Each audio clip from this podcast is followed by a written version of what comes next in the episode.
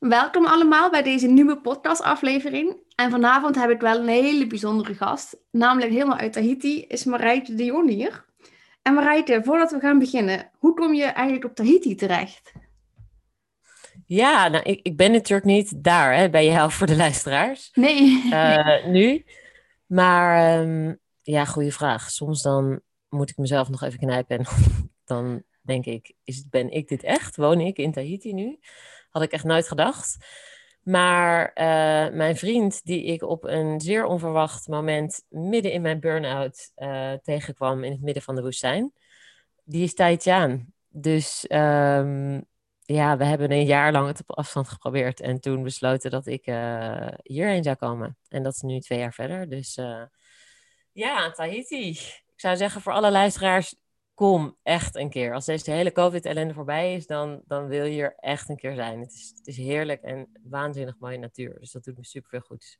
Ja, ik volg je op Instagram altijd. En ik ben altijd heel erg jaloers en kijk naar al je mooie stories in je weekend. Van de uitzichten en de zee en de, ja, de bossen. Wat hebben jullie regenwouden? Ja, het is, het is eigenlijk... Uh, het zijn heel veel vulkanische eilanden hier, de uh, Frans-Polynesië. Dus dat is hè, dan een stukje, een heel klein eiland met een stukje strand en zee en dan een berg in het midden. Um, hè, met verschillende heuvels, bergen, et cetera. Maar dat is echt uh, heel tropisch, ja. Dus uh, watervallen, bossen. Uh, het is zo fijn voor de energie om daar whenever you want naartoe te kunnen. Dus daar ben ik heel gezegend mee, ja. Ja, je kunt je daar enorm opladen, hè? kan ik me voorstellen. Ja, that's it. Ja, absoluut. Ik ging midden in mijn burn-out naar de Azoren toe. En ik heb me twee weken zo goed gevoeld. En ik dacht, ja, ik moet hier eigenlijk gewoon wonen. Maar ja, dat was ja. praktisch niet haalbaar. Maar het was echt zo'n verschil in energie. Ja, dus ik kan me dat heel goed voorstellen. Ja, ik denk als ik nog in Nederland had gewoond, dat ik... Uh, ik had een heel fijn plekje in Amsterdam. Maar dan had ik ofwel op de een of andere manier geregeld... dat ik een groot deel van de tijd uh, ook ergens in de natuur zou zijn. Half-half of zo. Of dan, dan was ik helemaal... Uh, in de natuur gaan wonen. Want uh, ik weet gewoon nu, ik heb het gewoon nodig. Het is niet van, oh, het is goed voor me om af en toe te gaan. Ik, I thrive on it, I need it. En if I don't have it, dan, dan gaat het gewoon helemaal mis met mijn energie. Dus, uh, dus je ja. maakt eigenlijk een heel groot verschil. Ja, ja mooi. Ja, onwijs. En je zei, je ontmoette je partner midden in je burn-out. Um, je bent dus bekend met het fenomeen burn-out. En hoe ging dat voor jou? Kun je een beetje schetsen wat je dieptepunt was en hoe je vanuit daar bent opgekrabbeld? Ja, absoluut, absoluut. Um, nou, ik ben uh, oorspronkelijk psychologe, um, maar ik ben de eerste tien jaar van mijn carrière eigenlijk uh, in de corporate wereld change management consultant geweest. En dat was perfect, want dat paste helemaal bij mijn verhaal van impact maken op de wereld. Want we deden de leiderschapsconsultancy. We, we verbraken de belemmerende systemen in organisaties. En dat was gewoon helemaal in lijn met het verhaal van wie ik dacht te wilde zijn in de buitenwereld. Succesvol, goede corporate baan. Um, daar stap voor stap hè, me naar boven aan het werken. Koophuis. All the things that ja, you're supposed ja. to have. en um, Alleen terugkijkend, en dat is natuurlijk altijd het allermakkelijkste, maar terugkijkend wist ik al vanaf het begin dat dit eigenlijk niet was wat ik wilde. En ik moest net ineens denken aan mijn allereerste sollicitatiegesprek bij mijn eerste baan, waar een vlijmscherpe partner toen al aan mij vroeg: Volgens mij kunnen die organisaties jou helemaal niet schelen, maar gaat het jou gewoon om de mens en om degene die van binnen zit en om die te activeren? Klopt dat of niet? En daar heb ik me toen heel mooi onderuit gekletst. um, en ik, I don't know if she bought it, maar ze heeft me, ze heeft me aangenomen.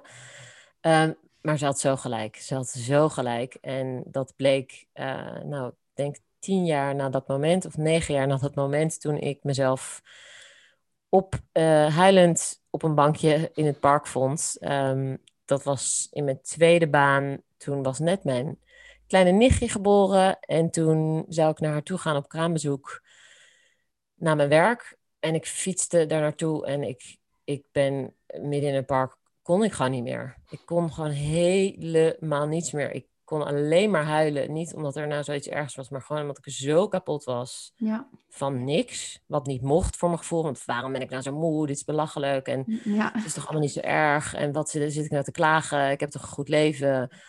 Maar ik kon gewoon niet meer. Ik kon niet meer vooruit. Ik dacht, moet ik, zou ik terug naar mijn werk gaan? Misschien kan ik naar huis rijden. Zou ik naar voren gaan? En ik kon gewoon niet meer beslissen of bedenken überhaupt wat ik moest doen. Dus toen zat ik daar. Soort van tegelijkertijd met te verstoppen. eh, maar ook te hopen dat iemand me kwam redden. Wat er gelukkig niet gebeurd is achteraf. Eh, want dat heeft natuurlijk geen zin uiteindelijk als iemand je redt. Want je moet uiteindelijk jezelf redden. Maar ja, dat was het dieptepunt. Eh, ik weet niet of dat antwoord is op je vraag, maar eh, dat is het Ja, dieptepunt en wel daar gekomen ben. Ik heb dat ook gehad. Dat ik echt, eh, ik werkte in de binnenstad van Maastricht toen en ik liep altijd naar het station. was een kwartiertje lopen aan het eind van de dag. En ik was aan het lopen en ik zakte eigenlijk gewoon door mijn benen heen. En ik dacht, ik kan gewoon geen stap meer zetten. En toen ook gewoon van wanhoop of zo heb ik daar gewoon zitten huilen op de stoep. En Ja. dat was ook het moment dat ik dacht, hmm, er is toch wel meer aan de hand dan gewoon, ik vind het niet meer zo leuk om te promoveren in mijn geval dan. En eh, ja, dat was voor mij ook wel een soort van keerpunt. Van, er zit echt iets dieps niet goed. Ja, en super mooi dat, dat je dat hebt gehad, toch? Voor mij in ieder geval. Want dat is altijd vervelend om te horen als je er middenin zit. Maar ik denk nu, als ik dat moment niet had gehad, dan was ik gewoon een beetje door blijven dobberen en akkeren. En eigenlijk de hele tijd kapot geweest, maar had ik nooit echt iets veranderd. Dus Ja, precies. Dit achteraf. En ik ben nog niet helemaal achteraf trouwens, maar ik zit nou zo op drie kwart ehm, voor mijn gevoel.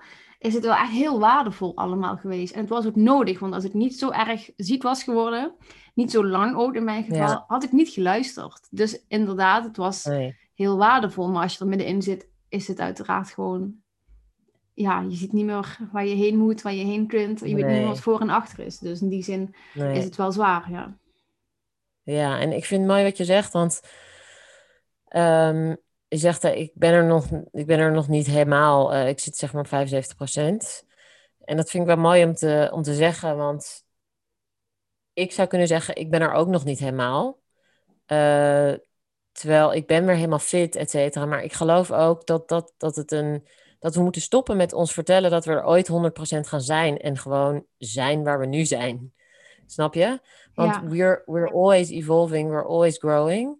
En voor mij is het in ieder geval een, een fundamentele shift in mijn leven geweest. Dat ik gewoon mijn hele leven anders insteek en anders leef. En als ik daar weer van afga, als ik dat op een gegeven moment weer loslaat, dan kom ik er weer terecht, weet ik zeker. Of met, eh, eh, dan krijg ik een ander bord, eh, andere klap in mijn gezicht van het universum. Ja. Dus ik, ik ben gestopt met het zien als, oh, ik ga ooit op mijn 100% energieniveau komen, maar ik, ik surf soort van de golven eh, nu die er zijn, mezelf super goed kennende en, en verdomde goed luisteren naar de, de, de, signalen van mijn lichaam. En soms heb ik daardoor 200% energie en soms 50. Eh, en soms misschien een keer 20. En dat is oké. Ik hoef niet, weet je wel, de hele tijd op 100 te zijn. Of waar dan ook. Dus dat vind ik mooi dat je dat zegt. Dat, dat, weet je, dat je er nog niet bent. Ik ook niet. En tegelijkertijd Zijn we er zijn we er allemaal. allebei 100%. Ja, ja. precies. Ja, weet je, dit is ook gewoon oké waar ik nu ben. Ik ben er helemaal, helemaal gewoon goed mee.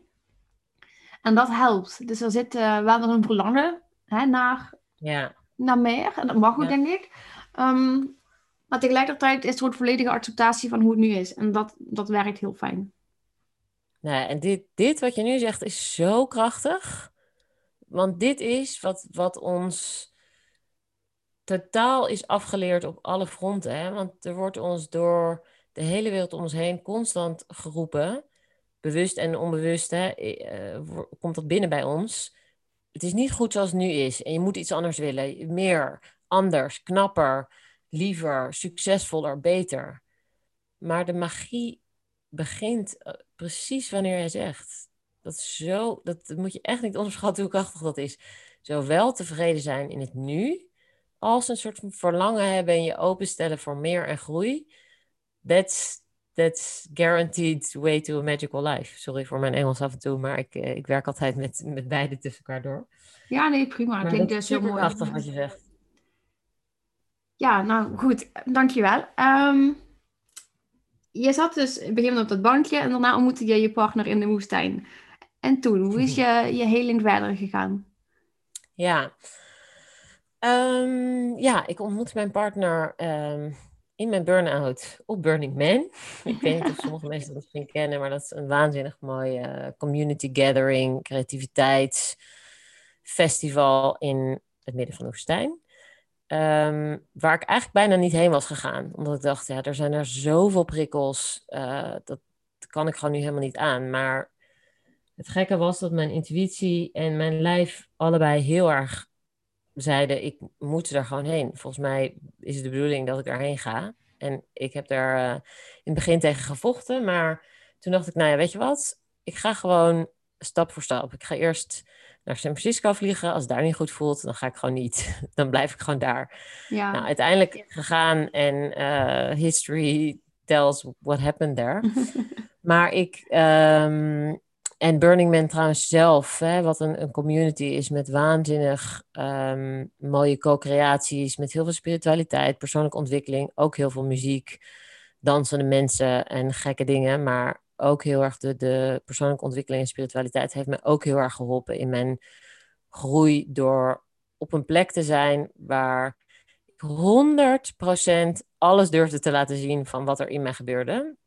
En daardoor kon ik heel veel uh, loslaten. En ook mijn vriend, die uh, ik dus toen heb ontmoet, die heeft daar heel erg bij geholpen.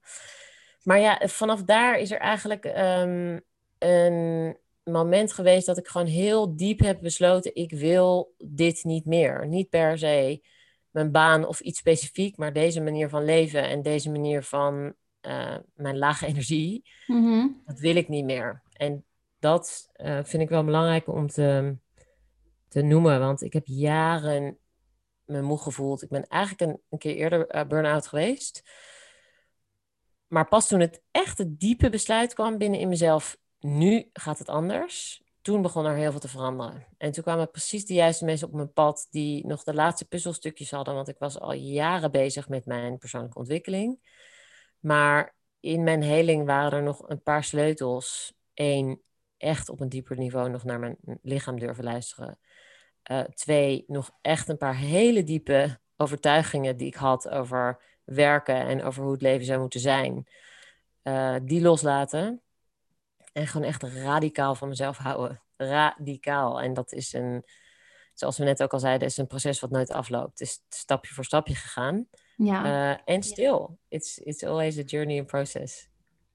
Ja, het blijft. Hè. Het is niet dat je in één klap, op, je bent klaar ermee en je kunt vrolijk verder leven. Maar het komt iedere keer weer een stukje opnieuw bij. Een laagje eigenlijk, volgens mij. Zo zie ik het. Maar laagjes afbellen, laagjes afbellen. En iedere keer wordt het makkelijker en kom je dichter bij de kern wie je echt bent. Precies, exact. En wat je zo mooi zei, is dat je helemaal jezelf mocht zijn op dat uh, in Burning Man Festival. En ik denk ook wel echt dat dat een van de belangrijkste dingen is om, om mee te beginnen. Dus te onderzoeken wie ben je nou eigenlijk, wat wil je, maar ook jezelf te laten zien. En daarom zijn al die voorbeelden zoals wat jij doet op Instagram zo inspirerend. Dat je gewoon helemaal laat zien, dit ben ik. Um, hier geloof ik in. Hier, hier ga ik voor. Hier ga ik van aan. En ik leef het gewoon. Je leeft gewoon het voorbeeld. Ja, nou dank. Dat is super fijn om te horen.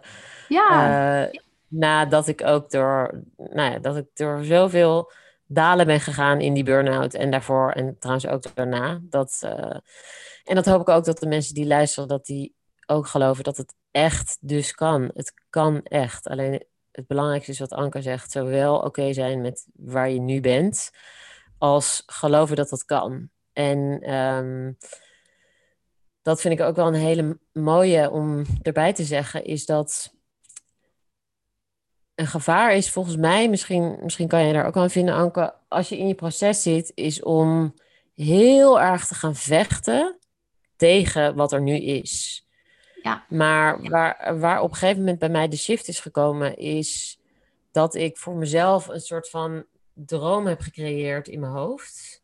En dat, dat hoeft niet te groot te zijn, te ver. Dat is op een gegeven moment Tahiti geworden bij mij. Had ik nooit verzonnen. Maar als jij, uh, if you can let yourself be pulled by something, hè? Eh, iets wat je graag wil, wat een desire, een verlangen is, zoals jij het zo mooi zegt, dan wordt het leven zo anders dan als je alleen maar denkt: ik wil het niet meer, ik ben kapot, ik, uh, waarom nu weer dit?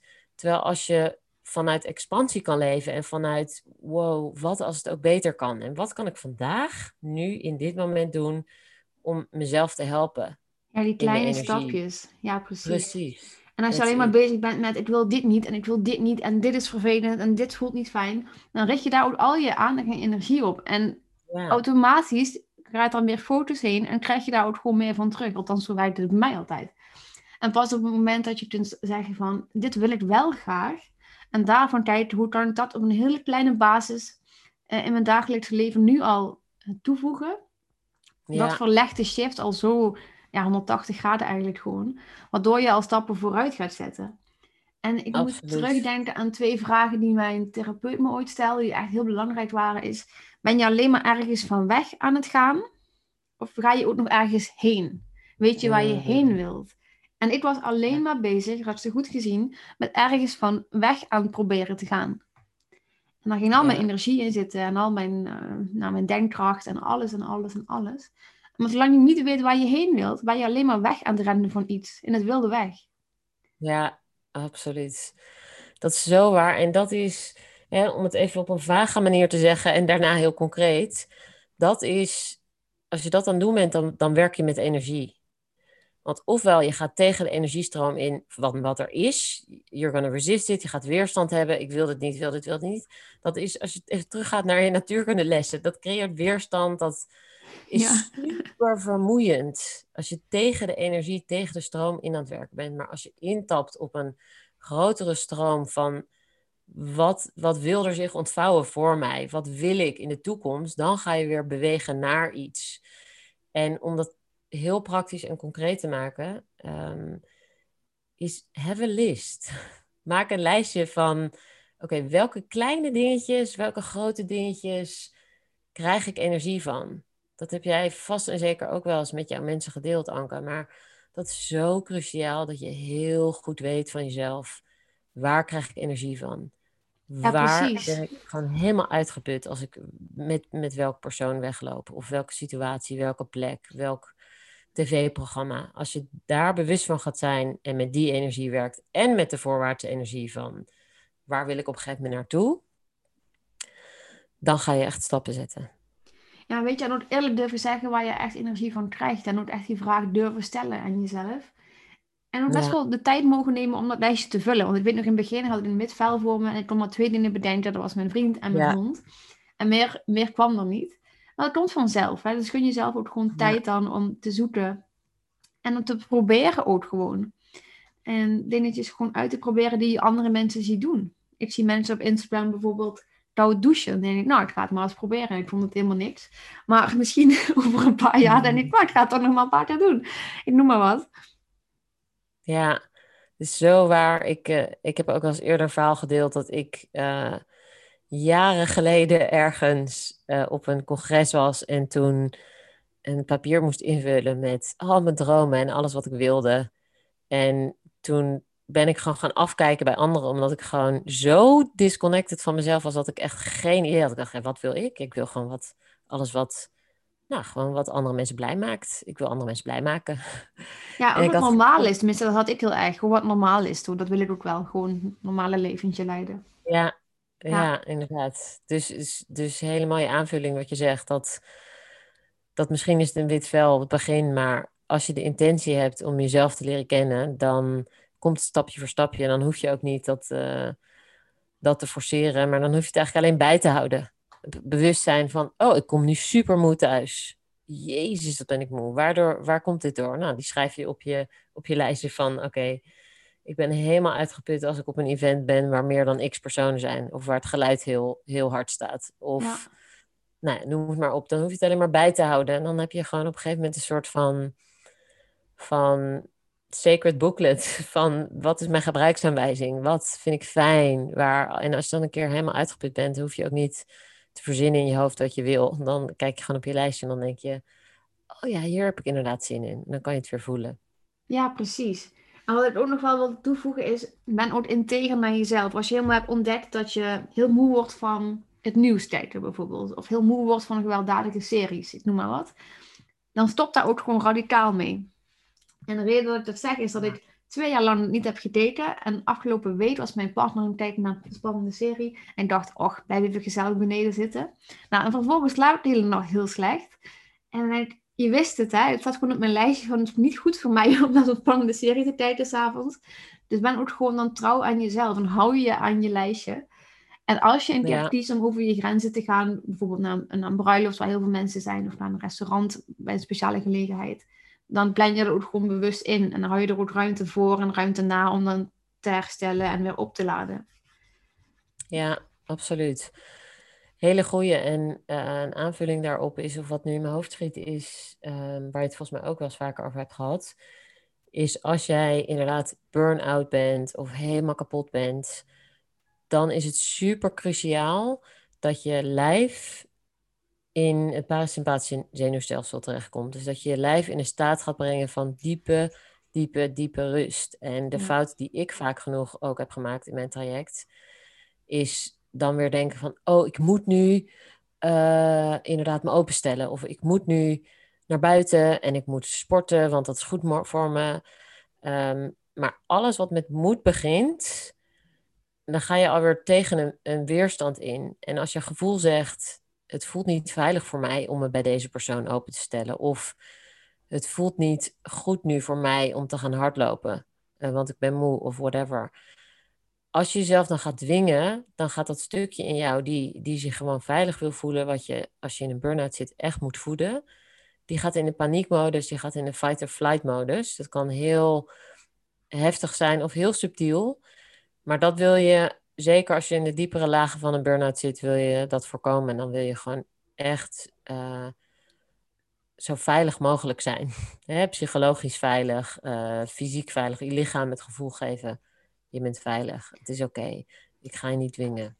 Ja, en met sporten creëer je volgens mij ook nog extra stress. En dat is normaal gewoon prima als je gewoon gezond bent. Maar je bent al aan het herstellen van hele lange chronische stress. Dus nog extra stress erop creëren is voor je lijf gewoon heel heavy. En ja. ik dacht, oh zit ik moet bewegen, ik moet fitter worden. Oh, sorry. Ja.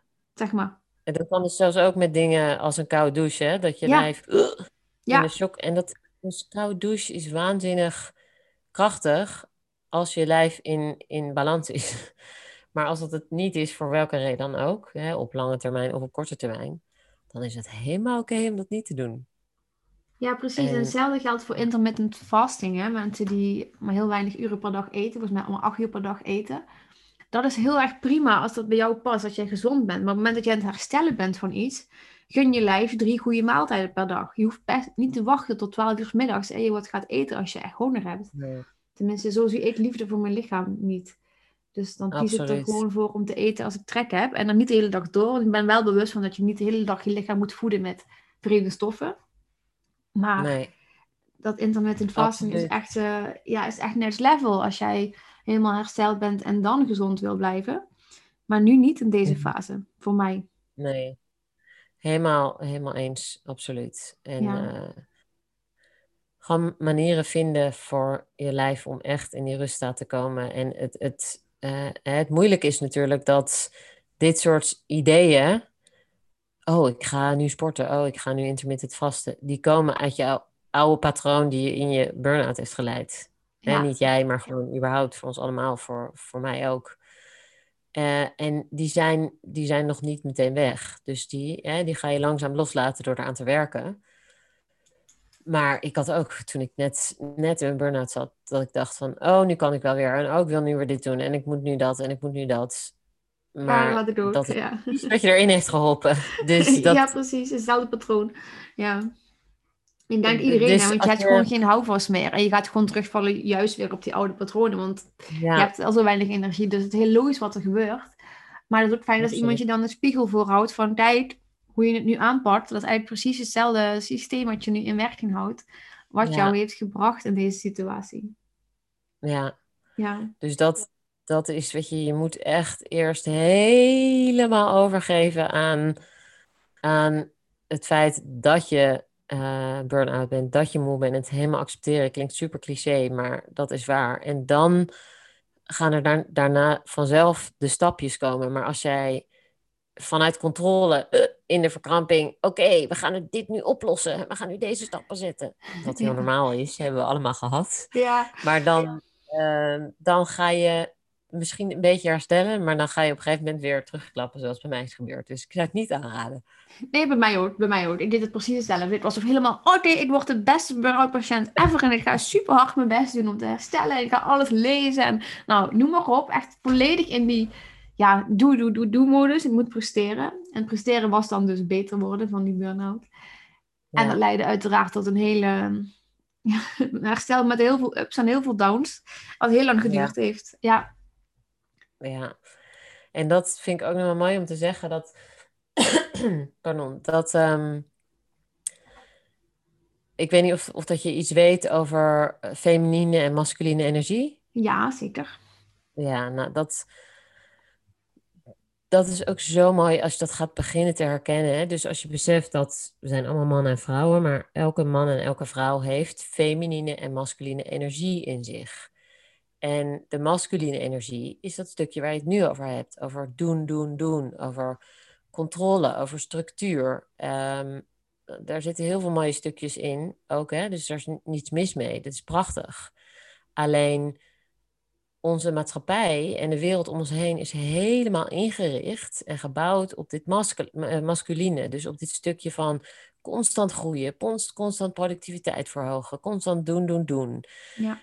En het feminine stuk, wat gaat over intuïtie, over flow, over vertrouwen, over pleasure, over creatie. Dat is ehm, voor een heel groot stuk eh, opgedroogd. Hè? Dus daar hebben we gewoon veel minder aandacht voor. En ook in, in de corporate wereld eh, wordt dat wel gewaardeerd door mensen. Maar eh, als het een beetje bij paaltje komt, word je beoordeeld op alle masculine kwaliteiten Ja, op die output. Ja. op je outputs. En sure, I get it. Hè? Daar is, again, output is niet verkeerd. Alleen ga maar eens bij jezelf voelen. hey, hoe, hoe zit ik eigenlijk in mijn vrouwelijke energie?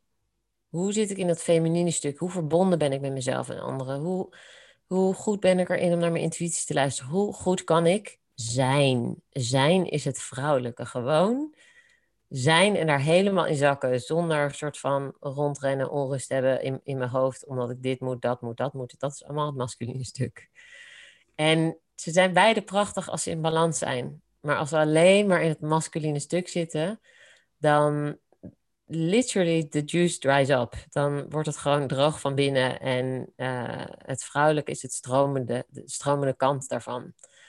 Dus misschien interessant voor uh, nou ja, de mensen die luisteren om dat eens bij zichzelf te checken van hey, oh ja, ik ben eigenlijk alleen maar mijn masculine stuk bezig. Ja, precies. En als je ook beseft dat je die twee rollen in je hebt, dan kun je ook meer gaan voelen, oh, nu zit ik in die rol. En ja. oké, okay, ik ben nu heel lang in de mannelijke rol geweest, maar ik kan eruit stappen en ga nu weer zakken in die vrouwelijke rol.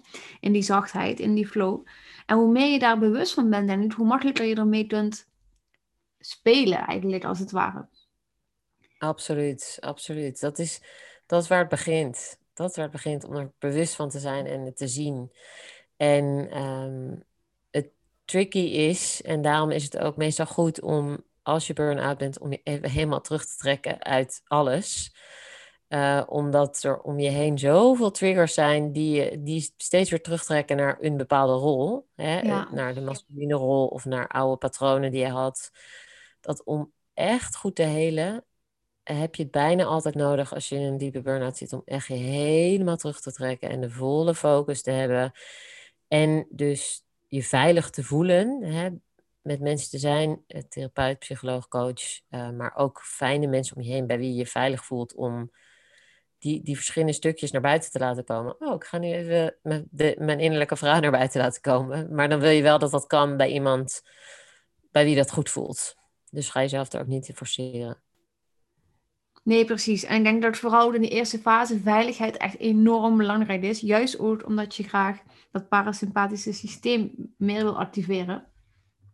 Ja, en zolang jij je maar opgejaagd blijft voelen en als je maar altijd aan blijft staan, wat heel normaal is trouwens, want daar heb je dus jarenlang in gezeten, kom je nooit helemaal tot die diepe, tot die diepe rust, hè, wat je net noemde. Die homeostase stand eigenlijk, waarin je lichaam de kans krijgt om, om diep te herstellen. Ja. Dus jezelf En mogen dat- zijn is echt ook, ja, ik denk een hele belangrijke voorwaarde om stapjes te kunnen gaan zetten in je eigen Ja. omgeving. Ja, bij een therapeut ook. Absoluut. En dat is het magische eh, wat je zegt. Dat wij zitten in de illusie dat wij moeten doen, doen, doen. En dat wij degene zijn die resultaten creëren. Maar als je nadenkt over wat jij net zegt, Anke, over je lijf in homeostase brengen en dan weet je lijf precies wat er moet gebeuren. Je lijf heeft zo'n magisch zelfherstellend vermogen. Dus het is niet per se jouw rol om te doen, doen, doen en te zorgen dat je herstelt. Het is jouw rol om je lijf te helpen dat je lijf kan herstellen. Dus het enige wat jij hoeft te doen is je lijf de kans te geven om zelf alles voor jou op te ruimen. En tuurlijk zijn er heel veel dingen eh, in aan de buitenkant hè, en met supplementen en, en therapieën en dingen om te doen. Maar weet ook dat je uit die doen, doen, doen en forceer, forceer, forceer rol moet stappen. Juist om je lijf de kans te geven om jou te leiden en om te laten zien: oké, nu ben ik moe, nu wil ik dit. Oké, nu gaat er dit gebeuren. Oké, nu heb ik echt geen zin om, om op te staan. Of, oh, ik zou nu moeten slapen, maar ik voel nu dat ik graag een luchtje wil scheppen. En Ja. je lijf weet het. En dan ga, je, dan ga je herstellen. Maar die hele grote illusie van onze maatschappij... dat de resultaten alleen komen als we doen, doen, doen en forceren... is, eh, is detrimental, is, is helpt niet. Meestal. je hoeft alleen maar eigen ruimte te maken voor je lichaam. Maar je hoeft eigenlijk alleen maar aan de kant te gaan. En te zeggen, nou lichaam, neem het maar over. Ik geef je alle ruimte die je nodig hebt. Ga maar doen wat je moet doen. Exact. En dat, is eigenlijk precies de magie. Maar ook, en tegelijkertijd klinkt het zo simpel, maar het is niet simpel. Want je hebt natuurlijk gewoon allemaal dingen om je heen. Mensen om je heen dingen van je verwachten. Je verwacht dingen van jezelf ook vooral. Dus daar ligt Ja. dan ook echt meteen weer ja, je uitdaging op dat moment. Absoluut. En de, de, de inner voices die zijn meestal het moeilijkste om mee te dealen. Ehm, en ja, daar, daar zit ook een grote sleutel. Maar ook dat geldt stapje voor stapje. Weet je, je lijf eerst, als je echt super moe bent, dan ga je gewoon eerst helemaal daarna luisteren. En dan komt er, als je de ruimte maakt, komt er vanzelf de fase om, om daar eh, naar te kijken en om daar licht op te schijnen. En dat hoeft ook weer niet vanuit een, ik moet nu ineens alles aan mezelf eh, veranderen. Nee. En grenzen aangeven komt nou bij me op. Hè? Dat is heel erg belangrijk, vooral in die eerste fase. En denk ik echt, gebruik gewoon je burn-out gewoon als, als reden om heel veel grenzen aan te geven. Kun je Ja. er mooi mee oefenen. Jij bent daar heel goed in. Hoe heb je dat aangepakt? Mhm. Wauw, eh, ik dacht niet dat iemand dat ooit tegen me zou zeggen. Kijk, Ik zou ook zelf nog niet over mezelf durven zeggen. Ik ben er veel beter in, absoluut. Ik ben er veel beter in. En ook daar ehm, is het begonnen met een besef dat ik, if I don't own my boundaries, my body will. Dus als ik het niet doe, dan doet mijn lijf het. En daardoor ben ik nu zo laag gekomen in die burn-out, x jaar geleden, eh, dat ik op een gegeven moment besefte, oké, ik laat mijn lijf voor mij nee zeggen. En dat Ja. kan ik blijven doen. Dat kan ik blijven doen, over en over en over again. Maar dan blijf ik voor altijd hier. En dat is echt een, een mega vallen en opstaan proces geweest. Ehm, maar nou, ik zal er twee een hele, hele diepe en hele praktische ehm, eh, stappen over geven. Wat mij heel erg heeft geholpen is bekijken nogmaals naar mijn belemmerende overtuigingen. Wat zeggen die innerlijke stemmen in mij? Waarom mag ik geen grenzen aangeven? Nou, als ik een overtuiging in mij heb zitten die zegt: eh, Ik ben verantwoordelijk voor het geluk van anderen, bijvoorbeeld, een van Mhm. de overtuigingen die ik had. Ja, dan wordt het heel moeilijk als iemand aan je vraagt: Kan je dit voor me doen? Want daar word ik blij van, om dan nee te zeggen. Dus dan gaat je hele interne systeem gewoon schreeuwen. Dus dat heeft mij heel erg geholpen om naar die overtuigingen te kijken en die, die los te laten. En dat is ook een van de dingen die ik direct doe met, met degene met wie ik werk. Ehm, maar heel praktisch gezien kan je inderdaad beginnen met wat jij net zei. Van oké, nee, eh, ik, ben, ik, ben, ik ben, zit in mijn burn-out en ik, ik merk echt dat dit te veel voor me is. Dat gewoon aan het begin gebruiken. En stapje voor stapje, als je je lijf beter kent, dan ga je dat loslaten en dan ga je proberen om gewoon te zeggen: Oké, jongens, ik ga. Punt. Zonder uitleggen, zonder excuus. En mag je steeds meer gaan vertrouwen op het feit dat jij hoeft jezelf niet uit te leggen. Jij bent jij, jij maakt jouw keuzes. En een belangrijk inzicht, als jij leeg bent, als jij kapot bent, gaat iedereen daar kapot aan. Ja, je kunt niks geven als je leeg bent, hè? Precies. Ja. Je kunt helemaal niets geven. En vervolgens word jij een last voor de anderen. Ja, als je dat blijft doen. En, en, het mooie vind ik trouwens wel, als jij dat gaat doen en nee zeggen, bijvoorbeeld op het werk, dan zie je collega's die denken, hoe die zegt nee. Hm, dat is misschien eigenlijk wel fijn, ga ik ook eens proberen. Dus je wordt ook een soort van kleine inspiratiebron. Als jij wel een keer nee zegt, terwijl je zelf alleen maar denkt, oeh, dat is wel moeilijk. Hm, misschien vinden mijn collega's dat wel heel vervelend. Maar soms vinden ze het juist heel inspirerend als jij wel zegt, dit is mijn grens, ik kan niet meer.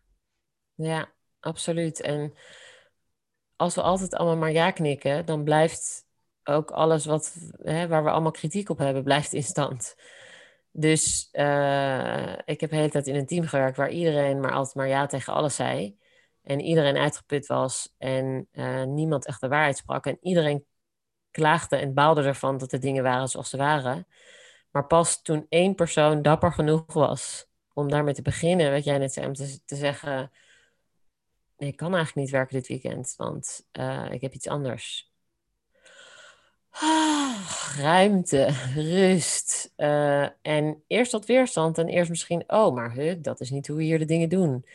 Maar stap voor stap gaat iedereen om. Je zal het zien, want ik, ik heb zoveel mensen gehad na mijn burn-out en na moment dat ik nee heb gezegd, die achteraf naar me toe kwamen. Oh, dankjewel. Weet je wel, het is zo van, en ik heb het ook. En vind je niet ook dit? Vind je niet ook dat? Ja. Dus er leeft zoveel waar je niet bewust van bent, totdat je je eigen waarheid gaat durven spreken. En uiteindelijk wordt iedereen er beter van. Alleen je moet even een drempel over. Ja, precies. En je voelt je vaak ook alleen, maar het is echt, er zijn zoveel mensen die precies in dezelfde situatie zitten. Die dezelfde dingen voelen als jij, dezelfde behoeftes hebben als jij. En die heel blij zijn als één iemand gewoon een stap zet om een keertje nee te zeggen.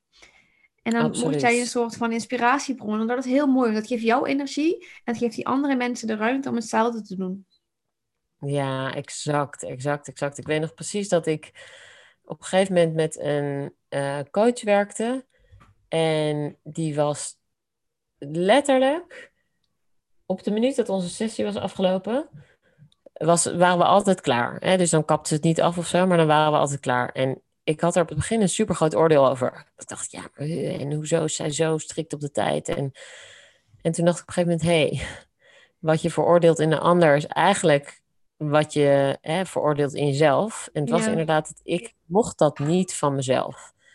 Maar dat, dat, zij, dat, dat zij er zo goed in was, heeft me zo erg geholpen. En toen dacht ik, fuck, ja, dit is eigenlijk zo fijn. Want ik weet precies waar ik aan toe ben met haar. Het is helder. Uh, ik weet precies welke stappen we zetten. En weet je wat, als zij het kan, dan kan ik het ook. Ja, precies. Dat is het ook vaak. Je ziet iemand anders doen en denkt, oh, maar er gebeurt bij haar niks. Nou, dan kan het ook wel eens gewoon proberen. Dat is mooi. Dus het maakt de weg een beetje makkelijker. Het maakt de weg open. Absoluut. Het is een soort van je, je geeft jezelf toestemming. Als je iemand anders ziet die soort van vergelijkbaar is aan jou, die het ook doet, dan denk je ineens, ik kan dit ook. Ja, ja precies. Ja. Hey Marijke, ontzettend bedankt. Je hebt heel veel inzichten gedeeld. Ik denk dat het een hele waardevolle aflevering is. Of ik denk het niet, ik weet het eigenlijk wel helemaal zeker. Als mensen contact met jou willen opnemen of jou willen gaan volgen om de mooie Tahiti-vlogs te zien of hè, met jou samen te werken, waar kunnen ze je dan vinden? Ja, uh, ze kunnen mij vinden op uh, mijn website en, en Instagram vooral. En uh, mijn bedrijf heet MyRumia, M-Y van My en Rumia, R-U-M-I-A. Dus is MyRumia, at MyRumia op Instagram en MyRumia.com. En als je me volgt, stuur me even een bericht. Ik vind het altijd superleuk om van mensen te horen waar ze me hebben gevonden en waar ze staan en wat ze het meest nodig hebben. Want ik ik vind net als jij volgens mij, Anke, het leukste om op Instagram met, met iedereen in gesprek te zijn en ook te kunnen co-creëren en, en dingen te kunnen creëren die echt uh, jullie helpen. Dus um, doe dat vooral, vind ik heel leuk. Ja, precies. Nou, heel mooi. Enorm bedankt. En ja, jij heel veel dank uh, dat, je, dat ik hier als uh, gast mocht zijn. En talk to you soon. Ja, nou, Enorm bedankt voor het luisteren naar deze aflevering en tot de volgende keer.